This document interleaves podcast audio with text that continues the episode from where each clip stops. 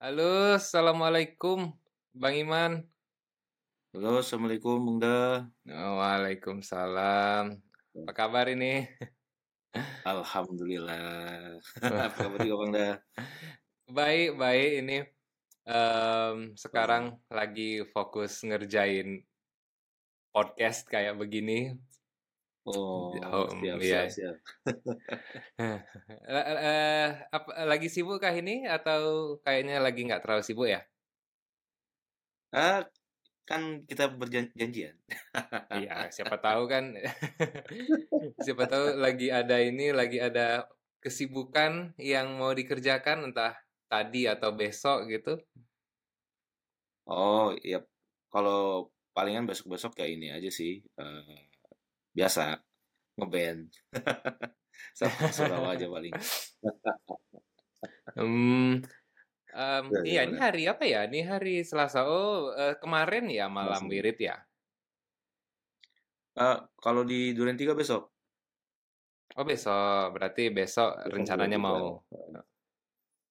mau Ke ini ya, mau ke surau ya. Iya, iya. Iya, iya. Em, jadi rencananya em, Pak itu mau bahas soal apa ya? Em, sebenarnya sih kepikir pengen bahas soal em, karirnya Bang Iman di Jerox, habis itu bicara sebagai sesama musisi nih apa yang bisa kita bahas dan yang terakhir itu mau berbicara tentang gimana em, tasawuf itu mempengaruhi em, yang pertama ya identitas abang secara pribadi dan yang kedua tentang kebermusikan abang itu gitu. Siap. eh, apa ya? Ini eh, tidak tidak gimana? ini ini, pakai reverse set nih saya baru ini. Belum pernah ya pakai pernah, Riverside belum ya? pernah. Belum pernah. Iya. Biasanya kan Zoom atau Em, Jimit ini kan biasanya kan. oh iya iya iya benar-benar. Pernah diundang podcast online gini nggak Bang Iman? Pernah sih, tapi ya itu tadi biasanya pakai Zoom atau pakai Jimit biasanya.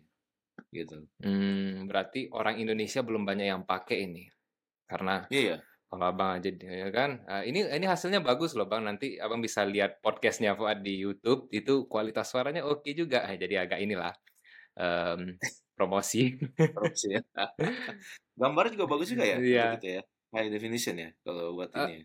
em, gambarnya abang nggak terlalu high definition karena em, pakai kamera ini kan, kamera apa namanya Laptop. kamera laptop. Kalau Fuad ini pa- pakai ini em, lighting, jadi Oh, gitu. gambarnya agak lebih cerah. Tapi nanti dia Maksudnya diproses juga sama ininya.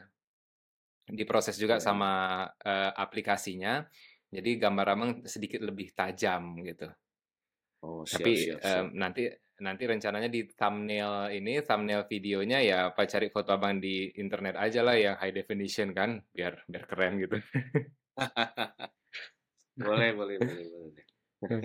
Jadi gimana nih, Bang? Kita bahas apa kira-kira awalnya? jadi gini, Pak mau buka dengan pertanyaan ini. Em, 9 November 2023 itu Jerox usianya 20 tahun ya. Iya, betul. Hebat ya, 20 tahun bisa bertahan gitu, apalagi band yang mengusung aliran yang gak terlalu mainstream terutama di pertama-tama kali dia muncul kan waktu itu gitu. Em, apa rahasianya kok bisa bertahan sampai 20-an tahun, Bang Iman?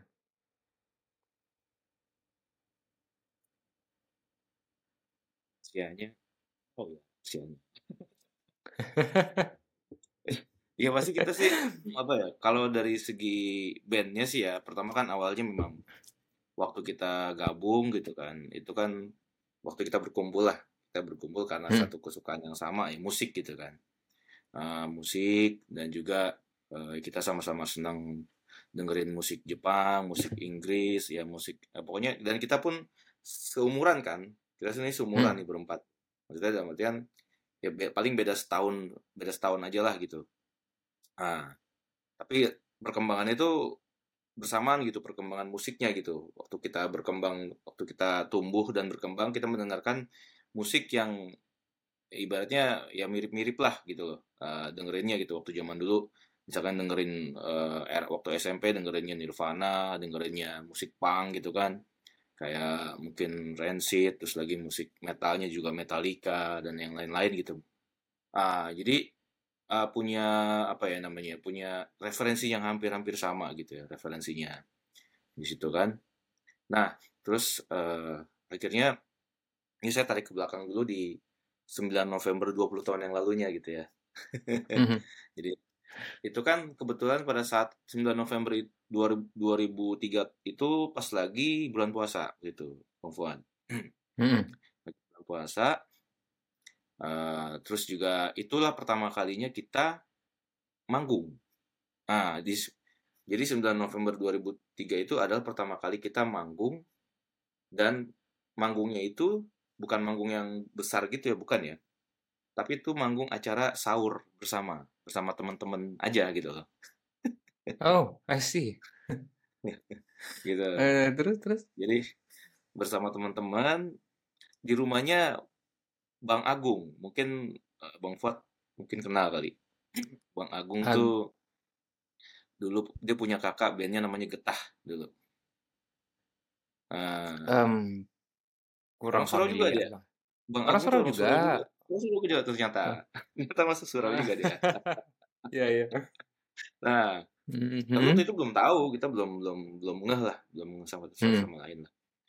Uh, dan akhirnya waktu di Pondok Cabai jadi tetangga juga dia. oh. akhirnya jadi iya jadi tetangga juga, sempat tinggal di dari sini juga. Nah, uh, pas di itu di rumah orang tuanya ya, itu di, di Ragunan. Mm -hmm di Ragunan itu rumah orang tuanya dia jadi punya hall besar gitu di rumahnya gitu nah hall besar itu tuh ada panggungnya terus di situlah akhirnya kita manggung bareng-bareng sama teman-teman yang lain gitu nah selesai dari abis sahur bersama itu terus kita balik lagi ke uh, Cijantung kebetulan rumah teman saya gitu rumah teman SMA saya tempat kita ngumpul lah tempat kita ngumpul pertama kali sebelum tanggal 20 itu ya. Itu di situ terus akhirnya kita ngobrol lagi di situ dan kita apa ya namanya uh, mendeklarasikan. Waktu itu namanya oke udah kita bikin yang namanya bandnya Jerokstar waktu itu. Gitu. Jerokstar terus uh, ya udah di situ sih vibe-nya tuh yang fun-fun aja gitu bang buat maksudnya mikirnya tuh yang seneng-seneng aja gitu nggak mikir yang oh nanti bok nanti akan begini begini. Enggak gitu maksudnya eh karena apa ya senang main musik gitu ya senang main musik senang pengen bawain lagu ini pengen bawain lagu ini gitu kan. Nah, itu doang sih sebenarnya sesimpel itu pada saat itu ya. Nah terus eh, akhirnya ah itu kan sebelumnya sebelum Jerox ini kan saya di Fangi Kopral sebenarnya di Fangi Kopral yeah. gitu kan. Nah jadi Fangi Kopral 21 September itu manggung terakhir 2003 21 September manggung terakhir di 2003 di Solo waktu itu itu saya langsung buat Jerox waktu itu. Nah sebulan ke, apa 9 Novembernya sebelum 9 November itu mungkin dua dua tiga harinya lah. Nah habis itu ya udah jadi nggak nggak terlalu lama tuh ada jarak ya, selesai dari Maya Kopra terus langsung Jerox gitu kan nah uh, terus uh, habis gitu uh, Jerox nih Nah, kan belum pernah ini ya, nggak nggak ada pengalaman lah band inilah ibaratnya gitu ya, band baru banget lah, gitu.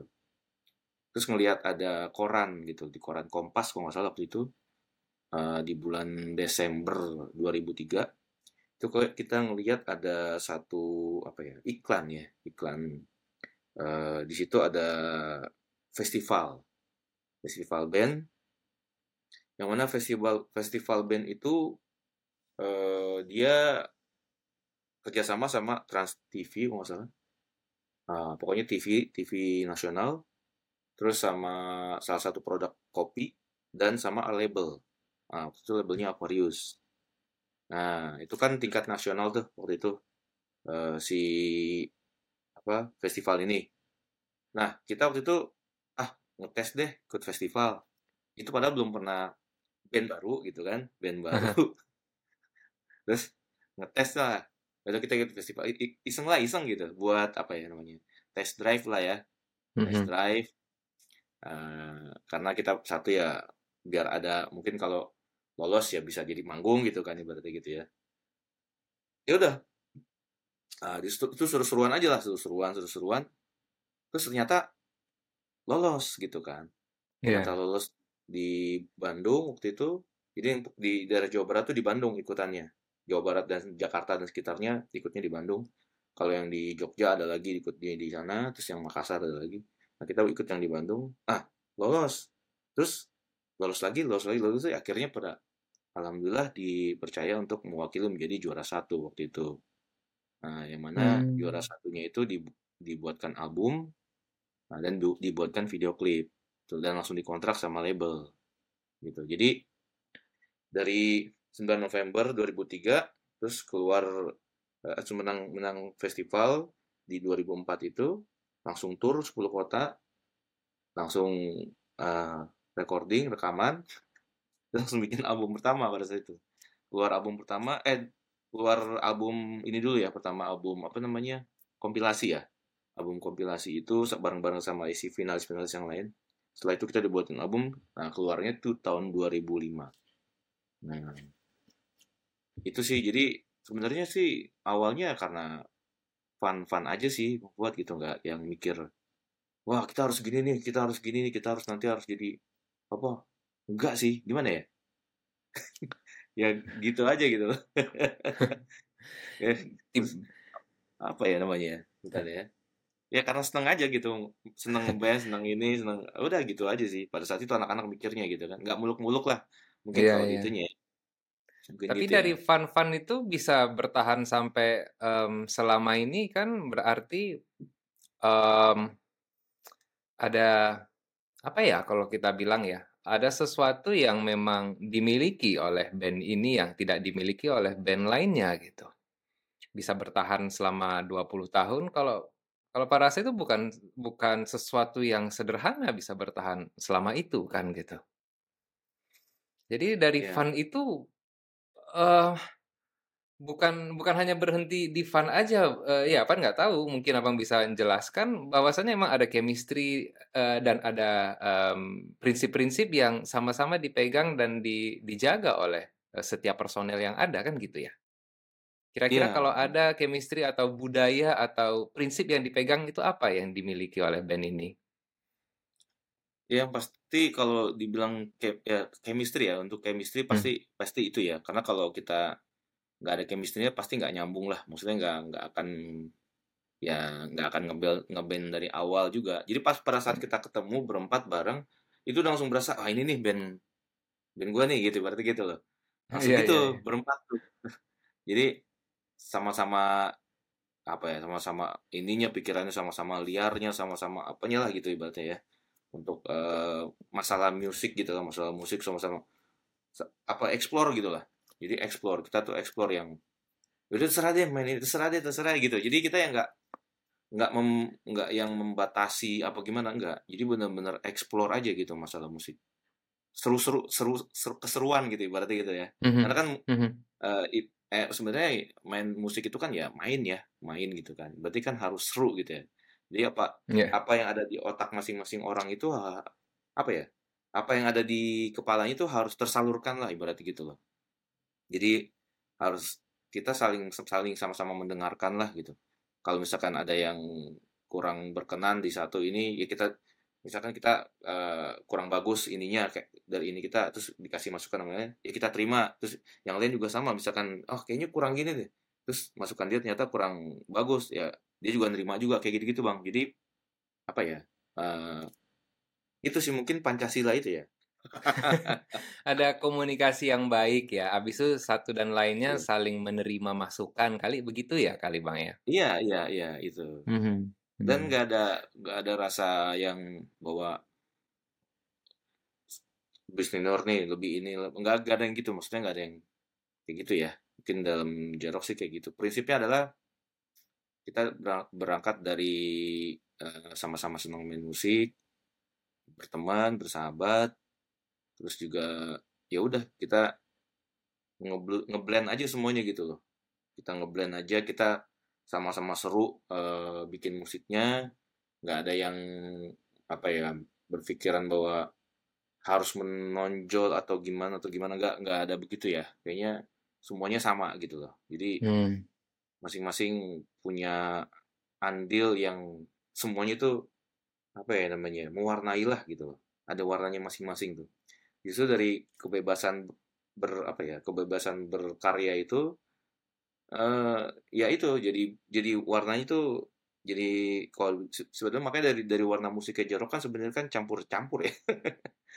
Iya, fusion gitu ya iya, iya, iya. campur-campur kadang-kadang begini kadang-kadang begini kadang-kadang gini gitu kan. Semaunya aja gitu semaunya Hmm. semaunya ke mana tiba-tiba moodnya pengen bikin gini begini gitu loh. Gitu sih sebenarnya. Iya, ya soalnya pas sering perhatiin waktu di awal-awal album pertama ya Pak masih sering update sama lagu-lagunya band Jerox. Em, kalau mau dibilang lagu Jepang banget kayaknya setelah sekarang ya setelah banyak tahu soal dunia permusikan kayaknya nggak Jepang-Jepang banget juga kayaknya em, eksplorasinya luas gitu kan jadi ya em, dari sini Pak juga akhirnya paham bahwasanya oh artinya em, setiap anggota band ini yang terlibat di band ini saling mengakomodir ide satu sama lain kira-kira gitu ya Bang ya Iya, nah iya, gini nih em, salah satu band yang menurut Fahri itu anggotanya itu tahan lama itu Red Hot Chili Peppers. Jadi dari dulu sampai sekarang em, hampir selama 30-an tahun anggotanya itu-itu aja. Gitarisnya sempat ganti kan John Frusciante diganti sama aduh siapa Pak lupa ya. Dave Navarro Eh, Dave Navarro Dave, sempat sama Dave, Dave Navarro ya. Habis itu ya balik lagi John Frusciante untuk eh, nge-record album sampai sekarang gitu kan. Nah, em, yang Pak perhatikan nih, eh, vokalisnya nih, em, Anthony, em, dia hmm. saking lamanya, saking sering berinteraksi sama anggota bandnya, dia tahu persis gitu ke- kecenderungan-kecenderungan, kebiasaan-kebiasaan eh, setiap personel bandnya gitu. Jadi sudah mengenal selayaknya saudaranya sendiri gitu kan, deket banget gitu. Nah, kira-kira nih, Bang Iman, agak spill dikit dong. Em, apa kebiasaan-kebiasaan eh, kawan-kawan seband Bang Iman yang eh, Bang Iman punya nih yang menurut Abang itu unik dan dan hanya dimiliki oleh dia gitu. Kebiasaan sehari-hari, kebiasaan saat manggung, bahkan kebiasaan bermusik. apa ya ya kita nggak sih. guncing loh ya kalau iya nggak iya iya iya. kalau dibilang unik unik semua sih gitu loh. Mhm. dibilang kadang-kadang sempat telat kadang ada yang gantian telatnya gitu loh. Kadang-kadang yang ini telat kadang-kadang yang ini telat kadang saya yang telat gitu. Jadi Hmm. ganti-gantian gitu itunya ya. Eh tapi kalau dibilang unik masing-masing sih unik sih gitu.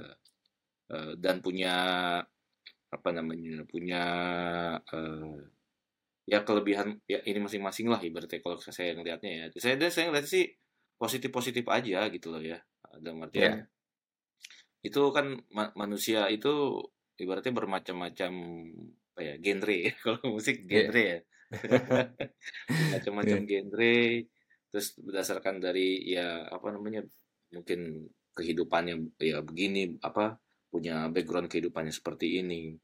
Tapi eh, semuanya sih ya ada keunikan lah yang ya contoh kayak misalkan Anton Anton orangnya rame gitu dia orang itu dia Hmm. apa ya dia kalau kalau ngomong pasti kita tahu oh ini Anton nih dari jauh gitu maksudnya.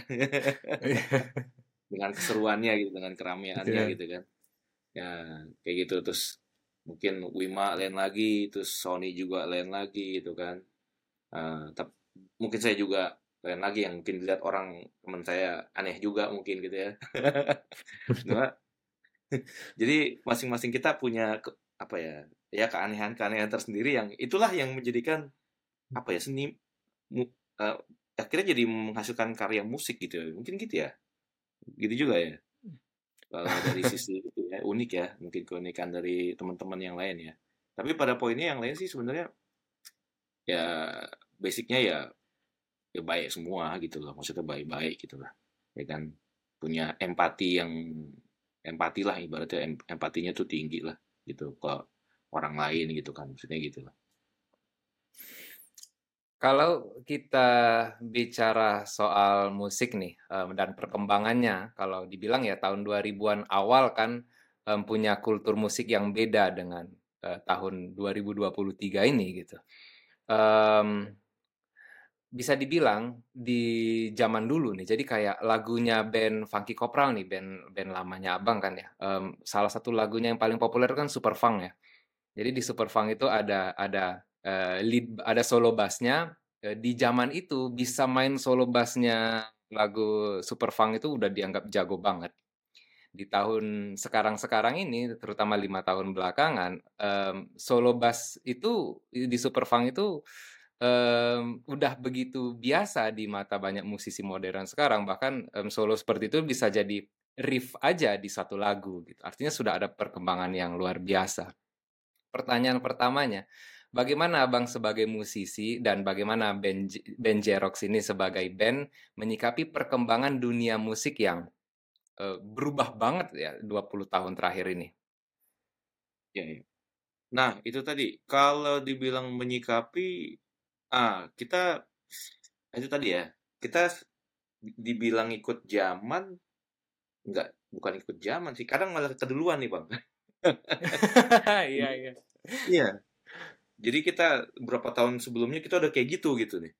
Iya iya iya. Berapa tahun kemudian baru musik begitu tuh. Jadi Iya iya. malah kadang keduluan gitu loh. Nah, jadi malah pas pertama keluar awalnya malah dianggap aneh gitu kan. Eh ternyata pas beberapa tahun kemudian ya malah kayak gini, malah apa yang kita bawa sebelumnya gitu di tahun-tahun sebelumnya. Jadi sih sebenarnya uh, itu apa ya namanya ya suatu hal yang nggak bisa dibendung sih kalau namanya perkembangan musik ya karena kan semakin lama uh, referensi kan semakin banyak ya semakin yeah. banyak referensinya semakin banyak musik juga semakin beragam gitu kan contoh mungkin kayak yang baru kalau kita dengar Volivia gitu kan oh, yeah. Iya. uh, Nah, itu kan salah satu kalau menurut saya salah satu genre baru lagi tuh. Gitu. Yeah. Baru lagi dia, salah satu genre yang baru lagi yang mana itu uh, karena referensi mereka mendengarkan musik sudah banyak gitu loh. Yeah. Dari sebelum-sebelumnya gitu loh. Ya kan? Yang sebelumnya mm -hmm. dari musik metal gitu kan, musik metal dan akhirnya kan mereka mereka juga punya referensi ya R&B, yang referensi musik soul, punya referensi musik yang lain. Akhirnya ter, apa namanya uh, terkumpul di, di mereka berempat ya kalau nggak salah mereka berempat juga berempat, ya, Olivia ya. ya. berempat Olivia empat mereka, uh, mereka punya referensi-referensi yang udah terkumpul dari awal mereka kecil mungkin dia dengarkan sampai akhirnya hmm. sebesar itu akhirnya mereka bikin musik nah jadilah Olivia gitu kan jadilah Olivia dengan hmm. keunikannya dengan akhirnya menjadi genre yang baru gitu loh ya yeah. gitu kan jadi genre yang baru dan akhirnya mungkin e, dari situ mungkin ada juga yang nanti akan mengikuti genrenya mereka gitu kan berarti mm -hmm. mereka jadi gerbong depan nih ya gerbong yeah. depan dan belakangnya ada gerbong yang lain mengikuti mereka gitu nah itu sih sebenarnya sah apa ya ya kayak gitu sih musik sih sebenarnya kayak satu contoh mungkin waktu dulu zaman kita kembali ke tahun 60-an zaman The Beatles mm -hmm. misalkan ya yeah. nah The Beatles itu kan itu explore banget nih dan setiap albumnya juga maksudnya punya eh, apa ya namanya ber, setiap itu tuh ketahuan oh ini tahun segini ini tahun segini ya oh. kan yeah, iya. perkembangan yeah. sesuai dengan perkembangan teknologi pada saat itu jadi mm -hmm. pada saat uh, jadi kalau nggak salah nih kalau saya saya nggak salah contoh John Lennon pernah uh, bikin lagu itu pertama kali ada sound feedback itu kayaknya dari lagu John Lennon itu Hmm, dung teng teng deng teng Iya iya. teng teng teng deng teng teng. Ah, itu pertama-tama kan nah itu tuh. Iya, Itu feedback ya. Mhm. sesuatu yang sesu heeh, sesuatu yang baru di zaman itu sound feedback gitu kan. Iya iya. Sound feedback, nah itu bass-nya akhirnya jadi apa, jadi mungkin merambat akhirnya ke sini-sini, nah bikin ada yang bikin sound feedback lebih ini lagi gitu, lebih lebar lagi, ada yang bikin akhirnya bikin drive gitu kan, nah bikin overdrive, nah jadi memang berkembang tuh akhirnya ada kembali ah, apa ke zaman Jimi Hendrix gitu kan. Ah Jimi Hendrix yeah. juga sama kan. Uh, itu dia uh, dia menjadi musik Jimi Hendrix itu karena di belakangnya dia pernah mendengarkan siapa siapa siapa gitu kan. Nah, akhirnya jadi seperti itu. Tapi kembali sesuai dengan teknologi juga. Nah, semakin berkembang teknologi, semakin banyak juga akhirnya sound-sound musik yang bertambah gitu ya. Sound-sound musik yang bertambah yang membuat musik itu jadi makin lebar itunya Iya. apa namanya eh, tapi blueprintnya sih kalau menurut saya nggak tahu ya kalau menurut saya tapi blueprintnya itu ada di Beatles itu tadi. Blueprint ya. Yes, ya setuju sih blueprint. sebenarnya ya eh, The Beatles dia blueprint ya. Kalau apalagi di Ah, musik rock zaman sekarang kan. Iya iya Iya. blueprintnya tuh di di The Beatles itu mungkin ya Nah, dari situ berkembang ke mana ke Nirvana ke Jimi Hendrix ke yang lain-lain gitu Apa pandangan abang soal musisi-musisi yang terkenalnya lewat sosial media? Em, dia jadi kebanyakan solo artis, em, mulai mulai populer gara-gara sosmed, entah Instagram, entah YouTube. Jadi kalau misalnya abang agak familiar dengan nama-nama kayak em, Ichikan itu misalnya, atau Mateus A1, kalau di bass ada Devi 504, ada Charles Berthud, em, eh, dan lain sebagainya. Ini kan ini adalah musisi-musisi yang terkenal dari sosial media. Dia nggak terkenal em, melewati em, cara yang konvensional kayak dari buat band atau dari solo artis tiba-tiba jadi besar. Tiba-tiba artis ini besar sendiri. Dia bahkan sebagian dari mereka punya em, eh, eh, instrumen signature-nya sendiri gitu. Em, ya dan dan mereka ya terkenal jadi artis layaknya kebanyakan artis-artis musik di dunia sekarang. Apa pandangan abang? nah itu lagi eh kayak Matius A1 Ichikan itu kan kalau Ichikan itu yang Jepang itu main gitar itu kan ya Iya, nah nggak salah ya Matius A1 juga main gitar juga kan pemain gitar juga nah ya. jadi mereka juga sesuai zaman tuh sesuai zaman tuh gini Hmm.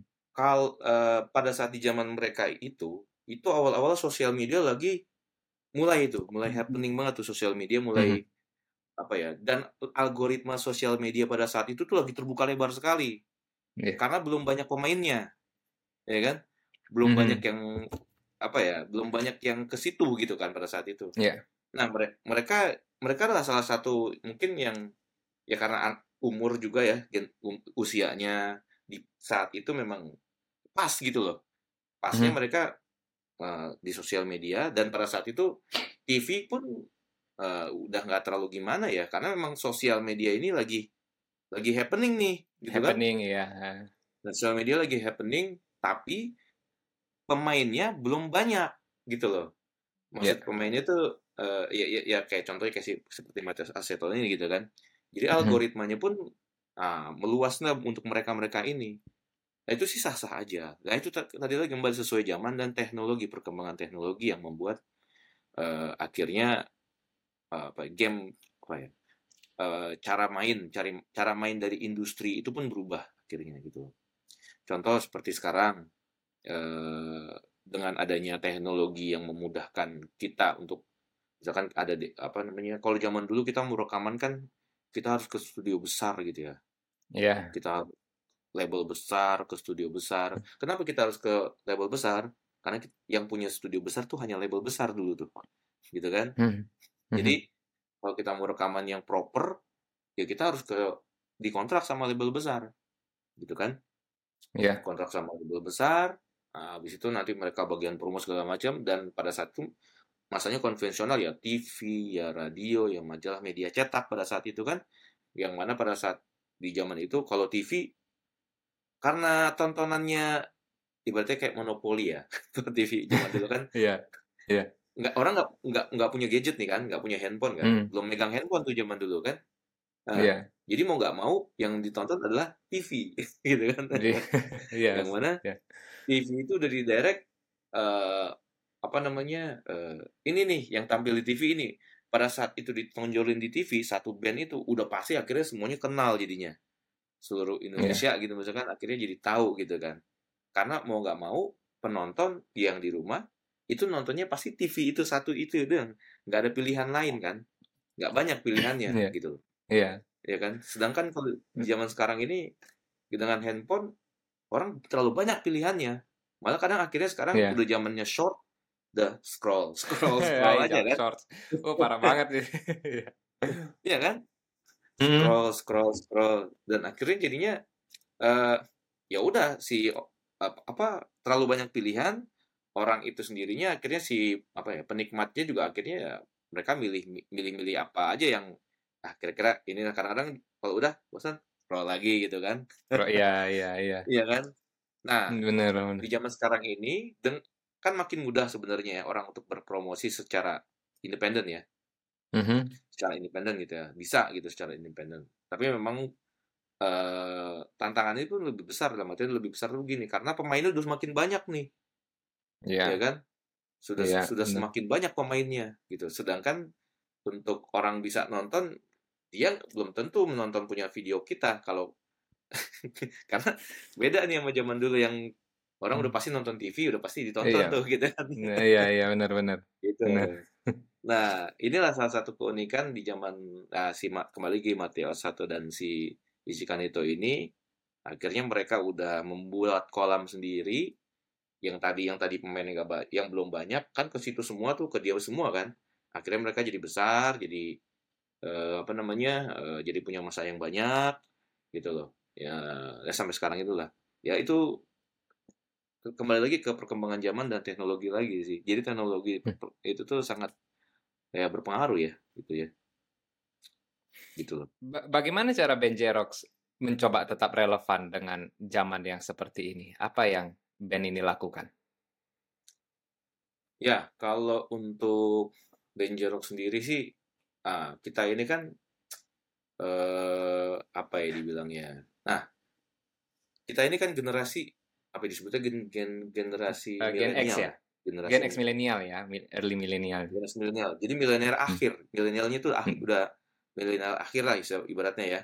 Hmm. Uh, tapi masih milenial gitu. Nah, hmm. kita itu mengalami fase fasenya tuh uh, dari yang apa ya dari dulu yang kaset gitu kan jadi iya. analog yeah. gitu kan kita mengalami fase analog lama tuh fase analognya terus akhirnya ke ke fase perubahan apa namanya transisi analog ke digital gitu kan. Digital ya.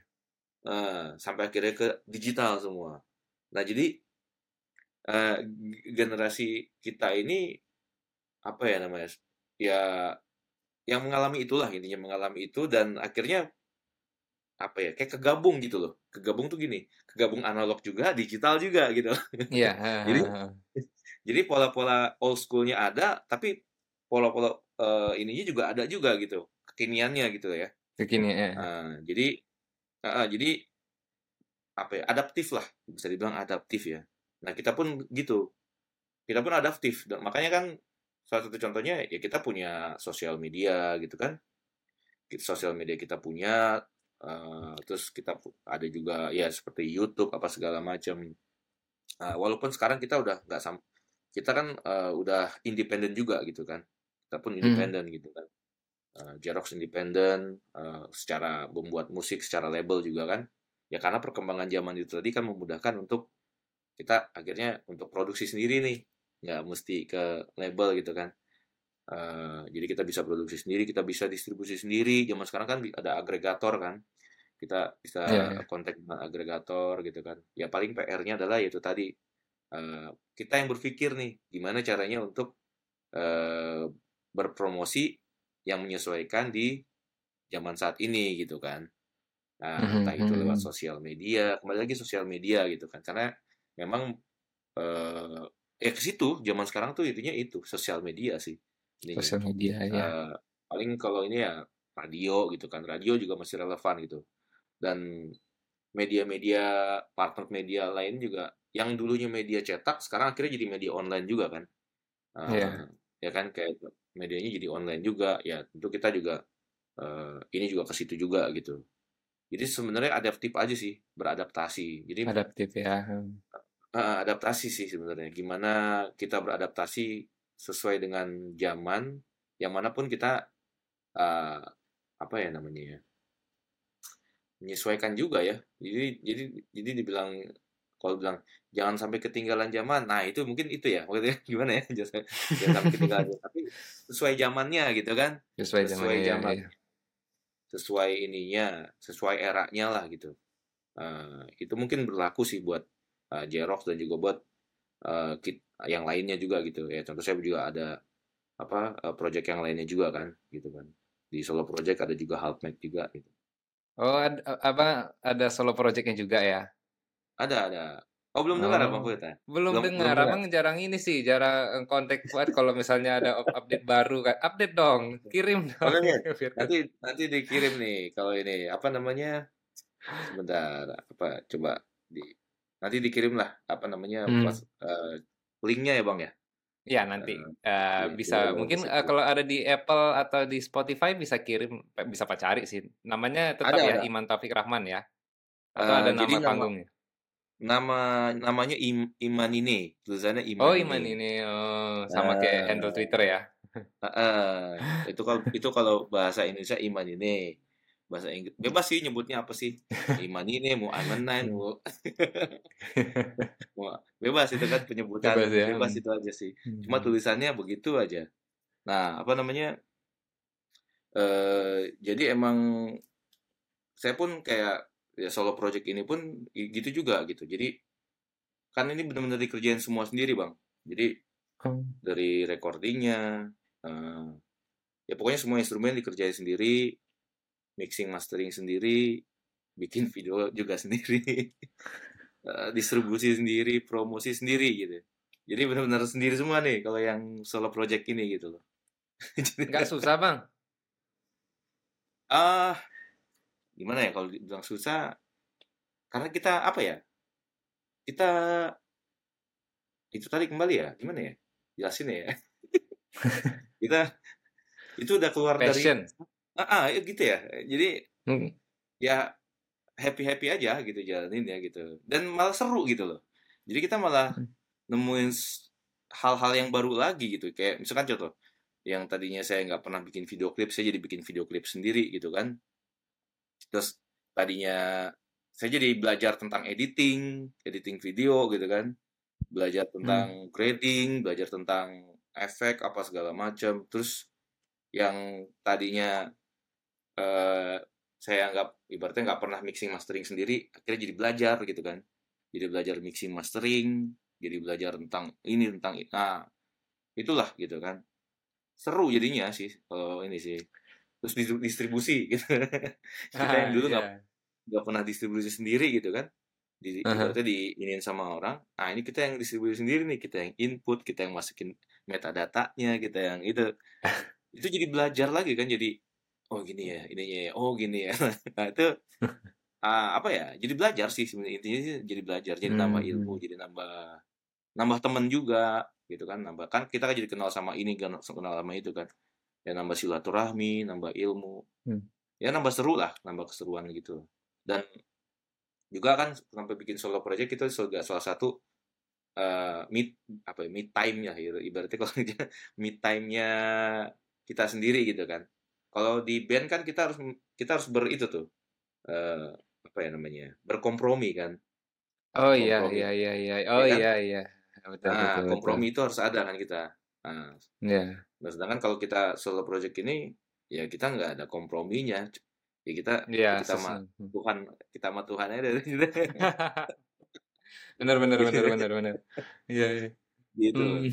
Nah, itu udah saya kirim bang di WhatsApp tuh bang, ininya bang. Apa? Oh iya, ini udah, udah terima nih. Uh, The Holy Spirit ya. Iya. The Holy Spirit. Wah, liriknya ini apa? Judulnya ini mempunyai muatan ketasawufan kayaknya. Ada inspirasi mistisisme itu kah atau memang cuman ekspresi sendiri aja? Ya.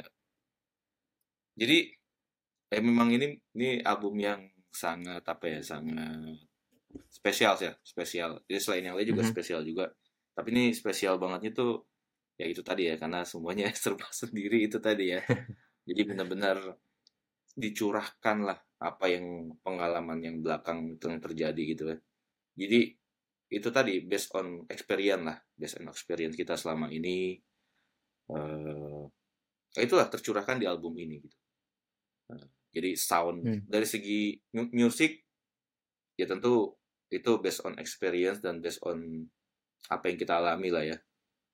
Apa yang kita alami sepanjang perjalanan kehidupan ini. Terus juga akhirnya tertuang lah menjadi sebuah karya musik gitu. Makanya kadang ada juga yang instrumental saya buat di album ini gitu kan. Ada beberapa Oh. instrumen. Ya, Oh. karena itu tidak bisa diungkapkan dengan kata-kata. karena kata-kata terlalu apa ya, terlalu terlalu sempit untuk mengungkapkan sesuatu hal yang tidak bisa diungkapkan dengan kata-kata gitu.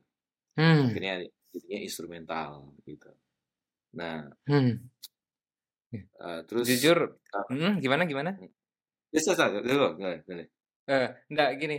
em, eh, Pak itu baru pertama kali mendengar bahasa eh, karena tidak bisa diungkapkan dengan kata-kata maka dibuat diekspresikan secara instrumental. Itu sebuah ungkapan yang baru pertama kali Pak dengar. Ya, Pak sendiri juga seorang musisi. Jadi Pak tuh ngerasa eh, musik hanya akan sempurna jika dia em, ada vokalis gitu loh. Jadi walaupun ya eh, lagu band fav- Polivia termasuk salah satu band favorit Pak juga. Lagu Dream Theater yang paling Pak sukai juga em, lagu instrumental, tapi Pak tetap mengakui bahwasanya vokalis itu memang paling instrumental gitu di dalam em, komposisi suatu musik. Karena Pak rasa hanya dengan melalui vokalis em, curahan em, ide atau pesan yang mau disampaikan bisa disampaikan gitu. Nah, apa yang Abang bilang ini sesuatu yang baru sama Pak dan dan dan begini, Akan menerima dan mempertimbangkan pernyataan itu bahwasanya ada sesuatu yang nggak bisa diekspresikan dengan lirik maka diekspresikan melalui instrumental gitu. Ba- baru banget ini harus Pak dalami dulu ini pernyataan ini gitu. Nanti Pak dengar lagunya gitu. Siap, siap, siap. Iya bang, jadi itulah kata karena makanya kayak contoh lagunya ada di sini ada The Way of Life ya, Mhm. yang instrumental nih, The Way of Life, judul lagunya itu The Way of Life. Eh, jadi kalau merangkum dari apa namanya, eh, itu kan perjalanan ya, The Way of Life, cara hidup, Iya, cara jalan, ya kan. iya. Kalau menggunakan kata-kata itu kayaknya, wah kayaknya nggak cukup nih gitu, nggak nggak cukup gitu loh, nggak akan cukup dan juga eh, apa ya namanya ya orang itu kalau kita pakai bahasa Indonesia ntar orang Indonesia doang yang yang bisa Iya. mendengarkan gitu kan Mhm. tapi kalau kalau kita pakai instrumental itu nggak cuma orang Indonesia tapi orang Inggris orang Arab orang apa orang apa orang apa pun gitu tanpa Iya. ada bahasa ya kan Mhm. dia bisa Iya. oh ini ini ini rasanya apa gitar ini tuh rasanya oh sedih ini rasanya senang nah itulah maksudnya gitu kan jadi eh, apa ya itulah eh, cara kita untuk mengekspresikannya itu tanpa lirik tapi dengan instrumental itu. Di instrumental itu eh, jadi biar nanti dia yang merasakan lah yang mendengarkan yang merasakan apa yang kita rasakan di musik itu gitu loh. Jadi kita transfernya tuh itu gitu loh. Nah ya itu tadi karena Mhm. karena kata-kata ini eh, tidak bisa menjelaskan apa tidak bisa apa ya terlalu ada kata-kata yang mungkin kurang apa ya kur- kurang kurang bisa di dikatakan eh, untuk supaya orang paham gitu kan apa maksudnya gitu ya kan gitu loh Hmm. Ini ini benar-benar baru nih Bang. Jujur aja baru Pak masih benar-benar memproses em, pernyataan ini. Makanya walaupun ya Pak me- me- cukup paham ya bahwasanya musisi ini sangat ekspresif ya. Kadang-kadang dia tidak mengekspresikannya dengan kata-kata, tetapi dengan suara musiknya gitu. Em, tapi jujur Pak tuh Pak nggak nggak bisa melakukan itu. Makanya Pak kadang-kadang menolak gelar seorang musisi. Pak lebih suka mengatakan seorang eh, musical technician gitu. Jadi Pak bermain musik itu untuk menguasai aspek teknikalnya saja, bukan aspek estetiknya gitu. Tapi jujur aja karena Pak selama berkarir, be- selama bermain musik selalu bersentuhan dengan musisi-musisi teknikal juga. Aliran Pak tuh aliran-aliran yang teknikal ya kayak Polivia itu kita nyebutnya itu math rock ya. Kadang-kadang kita bilangnya progressive metalcore gitu kan. Jadi memang yang mainnya tuh secara teknikal gitu. ya. Eh, Abang lah orang pertama yang ngomong panjang lebar dengan Fuad membahas hal-hal estetik soal musik dan dan itu sedikit banyaknya merubah mem- mempengaruhi sudut pandang Pak juga gitu. Dan dan ini sangat ya Pak pikir ini sangat sangat luar biasa ini suatu ilmu yang baru. Nah, Pak pengen eh, tanya nih em, langsung aja gitu. Sejauh apa em, ketasawufan Abang itu mempengaruhi kebermusikan yang Abang punya? Karena ya kita semua tahu Abang juga sering mengekspresikannya bahwasanya Abang adalah penganut amalan tarikat gitu kan. empat memakai istilah tasawuf di sini supaya lebih umum dan lebih sakral kedengarannya. Kan pengen uh, tahu dari abang sejauh mana itu mempengaruhi kebermusikan abang? 100 persen. Masa sih bang? Bener nih, masa 100 persen? Iyalah, iyalah, betul lah. Itu udah just apa ya? Ya 100 persen lah. Jadi gimana ya? Justru dari pertama Xerox juga terus uh, apa ya namanya sebenarnya ke situ arahnya gitu arahnya udah di situ ya karena uh, musik ini kan sebenarnya goib juga ya. Bisa dibilang musik ini goib gitu nggak nggak nggak terlihat dia gitu kan. Dia tak yeah. terlihat tapi dia bisa dirasa dia ya kan? Gitu. nah, dan, dan kalau dibilang sangat berpengaruhnya seberapa besar? Iya semuanya gitu. Iya iya iya. ya, itu tadi bang apa eh, ya kita di sini kan cuma apa ya cuma wayang aja kita inilah jadinya gitu jadi cuma ini aja lah jadi robot aja lah yang nah gitu loh kayak gitu jadi eh, sangat berpengaruh lah sebenarnya itu bang Um, bisa Bang ceritakan, um, bagaimana pengaruh perang pengaruh itu berproses gitu? Ini bukan apa, bukan menanya tentang aspek yang gaib atau apa ya. Tentu di saat Abang misalnya melakukan zikir atau, sedang merenung, melakukan ritual-ritual tasawuf ini, pasti kadang-kadang, um, pernah ada luapan ekspresi yang begitu besar mungkin bisa merasakan. Karena kayak yang kita ketahui Rumi mendapatkan bait-bait puisinya juga melalui proses um, zikrullahnya dia kan gitu. Dan beliau mendapatkan inspirasi dari proses itu. Uh, Ibnu Al Arabi juga seperti itu gitu apa yakin abang melalui proses yang sama juga gitu? Bagaimana abang mengalami proses di mana inspirasi itu datang gitu? Iya. Uh, makanya kan sebenarnya kalau dibilang kita ini kan manusia nggak bisa apa-apa sih sebenarnya kalau kata Allah nggak bisa.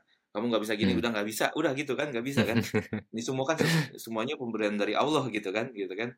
Iya. bisa main gitar bisa nyanyi bisa apa bisa apa bisa ngerjain ini itu semua bukan sebenarnya bukan kita yang bisa gitu. Maksudnya kita nggak bisa apa-apa pada ininya ya. Uh, jadi uh, apa ya? Ya dari perjalanan itu ya sebenarnya apa ya namanya itu udah udah di ya ini harus begini nih. Udah harus harus kayak kita kayak kita kita kayak menjadi berpemain musik nih memang ya begini harus harus makanya keluar lagu-lagu ini gitu kan. Disampaikan yeah, yeah, yeah. Gitu kan. menyampaikan itu kan disampaikan disampaikan. Nah, pesan-pesan itu tuh harus disampaikan gitu kan jadinya. Yang mana pesannya pun juga sebenarnya bukan dari kita juga kali ya. Berarti bukan bukan kita juga gitu. Karena kita juga kembali lagi tadi kita nggak bisa apa-apa sebenarnya sebagai saya, saya gitu ya, sebagai manusia tanpa ini juga nggak bisa apa-apa gitu maksudnya. Kalau ambil sama Allah kemampuan itu ya udah gitu kan nggak bisa. Ya memang semuanya ya Allah aja udah semua yang ini kan. Tentunya dengan kita ah itu kan tadi kembali lagi ke tasawuf kita kan berguru tentunya berguru ada ada gurunya gitu kan.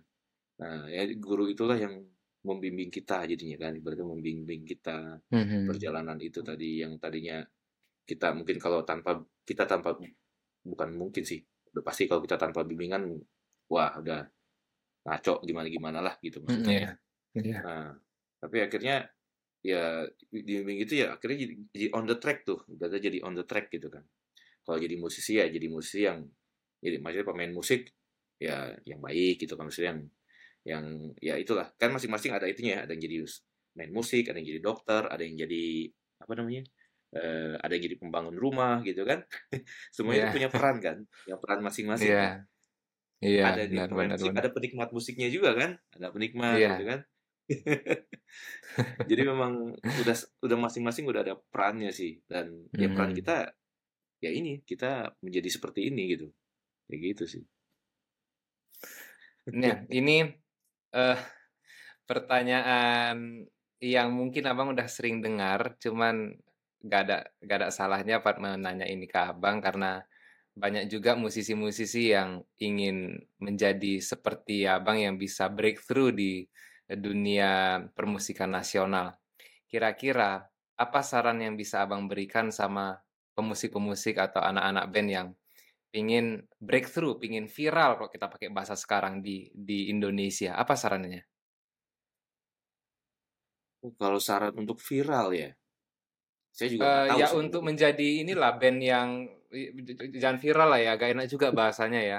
Menjadi band yang bukan terkenal juga, apa ya bang ya enak bahasanya ya. Mohon maaf, apa nggak cocok pakai bahasa viral. Mohon maaf, mohon maaf lo ya audiens ya. Eh, eh, apa ya bahasanya ya? Menjadi yang established gitu loh bang, Nah, yang benar-benar bisa berkarir gitu loh, berkarir sebagai band di dunia permusikan Indonesia. Kalau bisa di seluruh dunia. Nah gitu gitu, cocok itu bahasanya ya bang ya. ya ya ya ya. Ya, apa-apa saran yang Ah, bisa memberi kira-kira? ya kalau kalau eh, mungkin saya sesuai dengan apa yang saya alami aja gitu ya. Kan mungkin Mhm. saran orang beda-beda gitu ya. Bisa jadi beda kan kalau di sini ya. Cuma kalau yang apa yang saya alami ya berusaha untuk bukan berusaha sih, tapi memang selalu jujur aja lah, jujur apa adanya gitu. Selalu jujur. Jujur jujur Mhm. apa adanya dengan dengan diri kita gitu kan dengan pertama dengan Iya, diri kita dulu dengan diri kita dulu nih harus jujur gitu kan. iya, Harus iya. jujur apa adanya terus eh dan apa ya namanya? Terus ber apa ya? Terus ber berkembang lah gitu ya. Berkembang tuh kita dalam artian kita terbuka akan terbuka lah karena apa karena ya ilmu-ilmu yang masuk itu kan ya tentu itu juga sebenarnya dari siapa gitu kan. Kalau bukan itu ya kalau, kalau bukan Iya, dari Tuhan. Gitu kan yang membimbing kita untuk iya, nah ini iya. ilmu ini kita nah itulah gitu kan. Jadi kita Mhm. terbuka untuk berbagai macam kemungkinan nah tentunya tapi dengan on the track itu tadi kan ada on the tracknya gitu ada sesuai jalurnya gitu kan. Nah jadi mu- musik ini bisa dua sih sebenarnya kan. Nah kita mil- milih jalan yang mana gitu. Jalan yang kanan apa jalan yang kiri? Maksudnya dalam artian un- musiknya untuk kebaikan atau untuk ah, yang keburukan ibaratnya gitu kan. Kan ibarat kayak cakap gitu kan musik ini kayak cakap kan. Kalau perkataannya baik ya baiklah dia gitu kan. Lirik misalkan contoh lirik lagu gitu lirik lagunya ngajakin yang baik ya jadi baik gitu Hmm, kan. iya, paham, paham. Iya, iya, iya, iya. tapi kalau lirik lagunya ngajakin yang apa me- ini kan yang tidak baik atau menyuarakan tentang hal-hal yang yang tidak baik ya jadi tidak baik juga gitu ya kayak kayak pisau aja musik ini sebenarnya. Nah ini tinggal kita mau bawa ke mana gitu kan. Tinggal kita pilih kita punya pilihan gitu. Pilihannya ya antara mau ke sini apa mau ke sini gitu kan. Itu aja kan paling sih. Nah, Mhm. tinggal tinggal kita dari kitanya sebenarnya. Ya yang yang yang memilih lah. Eh, kita mau ke arah kanan atau mau ke arah kiri. Dalam artian kita mau ke arah ke ya, yang ke arah ya pasti yang, yang Tuhan ridhoi lah gitu kan Iya, iya, iya, ridhoi iya. atau yang tidak diridhoi gitu aja kan. Itu gitu aja sih sebenarnya. Nah, musik ini kita bawa ke mana gitu. Itu tergantung dari diri kita. Kita tapi sebenarnya kalau mau jujur dalam diri kita ya pasti kita punya nurani ya punya hati nurani yang nurani itulah yang nggak sebenarnya nggak bisa bohong gitu. Kalau ada sesuatu yang kurang apa ya kurang berkenan pasti kerasa juga di dalam diri kita kan. Kita pun nggak mau digituin lah ibaratnya kan Nah, kenapa kita nggak boleh berbohong? Kita tentu nggak mau dibohongin kan? Gitu kan? Kita nggak mau dibohongin kita ya itulah tadi kembali lagi. Kita harus kembali lagi ke diri kita bahwa maunya ke mana nih? Mau mau, mau jalur yang diridhoi apa yang tidak diridhoi nih? Sebenarnya udah, udah kasih tahu nih eh, ini apa rambu-rambunya nih. Ada rambu-rambunya nih ya kan? Ada rambu-rambunya tinggal kita pilih aja nih yang mana nih. Gitu sih sebenarnya. Terus udah sih itu aja sih, sempil itu ya. Karena kalau ngomongin oh nanti bakal harus begini begini. Kayaknya gimana ya Eh, ya punya visi bagus ya. Visinya tadi dalam artian visinya tuh adalah visi yang eh, positif itu tadi tuh ya. Jadi dalam artian karya saya ini ke depan ini akan akan berpengaruh yang baik nggak ya ke orang lain gitu kan.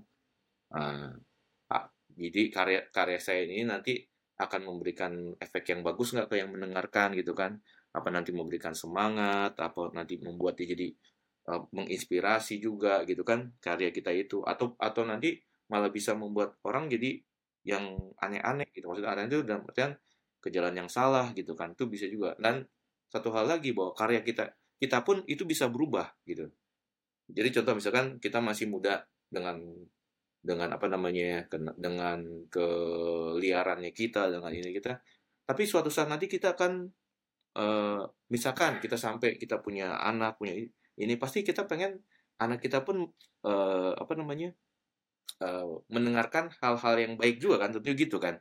Kita pengen anak kita jadi anak baik tentunya oh bapak saya bikin lagunya bagus-bagus nih kat ininya liriknya bagus-bagus bikin yang semangat bikin yang apa namanya uh, ataupun uh, apa ya me me mengingatkan orang tentang ini tentang mati tentang apa kan itu bagus ya. Misalnya uh, jadi jalurnya jalurnya bagus lah gitu ya nah tinggal kita pilih. Tapi itu pun harus jujur gitu dalam artian jujur apa adanya jujur. Bukan yang dibuat-buat karena apa karena pengen dibilang apalah gitu. Dibilang apalah ataupun pengen hanya uang atau enggak. Enggak gitu loh. Jujur aja sih jujur apa adanya. Ya mungkin itu sih kalau dari saya ya. Karena saya apa ya namanya enggak enggak yang gimana gimana gitu loh. Kalau untuk uh, ininya ya. Sisanya tinggal kita ber, berikhtiar aja sih. Ikhtiar tuh maksudnya gini uh, kita kita dalam kita bikin karya itu kan sebenarnya ikhtiar juga ya kita bikin iya, karya iya, iya. Hmm. Tapi itu adalah sesuatu yang kita suka sebenarnya. Kita pada saat kita suka, kita cinta, pasti kan kita nggak ada rasa beban sebenarnya kan, nggak ada rasa beban untuk membuat itu gitu kan. Nah, pada saat kita cinta, kita suka, ah itu nanti apa namanya? Kayaknya kemudahan-kemudahan yang lainnya ya itu datang dengan sendirinya lah gitu. Yang positif nggak positif ibaratnya men, uh, menjaring yang positif juga gitu. Ya kan? Kalau negatif ya ntar yang nggak deket yang negatif juga. Gitu kan? Jadi jadi itu sih sebenarnya sih. Bang mungkin simpelnya begitulah. Apa um, ngomongnya persis kayak guru tasawuf dulu gitu kayak mursid dulu. Pak jadi teringat sama orang tua sendiri sama kalau abang tahu Abu yang mulia Abu almarhum abang agak mirip sama beliau gaya menyampaikannya. Jangan-jangan abang terinspirasi sama beliau ini Pak jadi teringat ya akhirnya ya sebagai pribadi Pak nggak tahu bagaimana nanti pesan abang ini akan menginspirasi banyak musisi yang mendengar podcast ini ya tapi Pak sebagai pribadi belajar dari sini adalah tentang yang pertama tentang ikhtiar ya, tentang ikhtiar, tentang kejujuran, dan satu lagi sebenarnya yang abang nggak e, omongkan tapi abang ekspresikan di sini yaitu tentang kerendahan hati gitu. Saya pikir itu adalah sesuatu yang um, sangat perlu dimiliki oleh banyak orang-orang yang ingin berkarir di dunia uh, mohon maaf pakai istilah ini ya berkarir di dunia entertainment zaman sekarang itu tentang kerendahan hati ya apalagi di zaman digital ini uh, persaingan untuk untuk bermusik itu sangat luar biasa tinggi. Yang namanya skill tuh harus ditingkatkan terus-menerus. Bahkan di komunitas musik itu metrik pengukurannya itu adalah sejago apa main musik gitu, bukan tentang seenak apa lagu yang dia buat atau se sebagus apa lagunya gitu. Bahkan ya di di komunitas zaman sekarang ini ya, banyak orang-orang itu menceritakan tentang gearmu apa nih, alatmu apa nih, um, uh, string apa tak senar yang kamu pakai apa gitu kita gini, "Aku mau main loh ya, kok kalian bicarain soal tali basku?" kan gitu loh.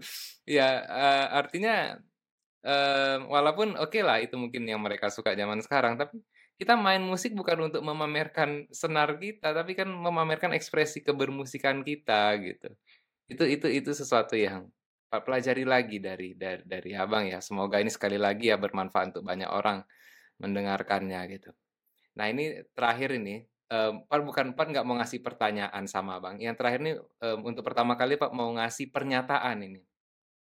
Abang harus tahu bahwasanya single Jerox tahu ya, pastilah tahu Abang penyanyinya Jerox Ceria itu yang single pertama ya.